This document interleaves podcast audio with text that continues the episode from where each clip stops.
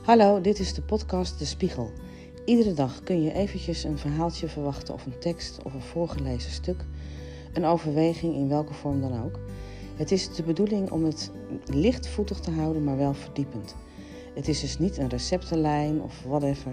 Nee, dit is gewoon om naar te luisteren, over na te denken, niet over te hoeven discussiëren of te argumenteren.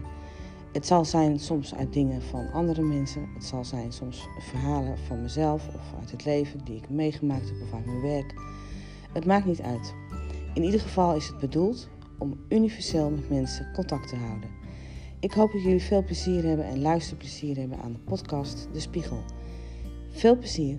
Dag, tot ziens.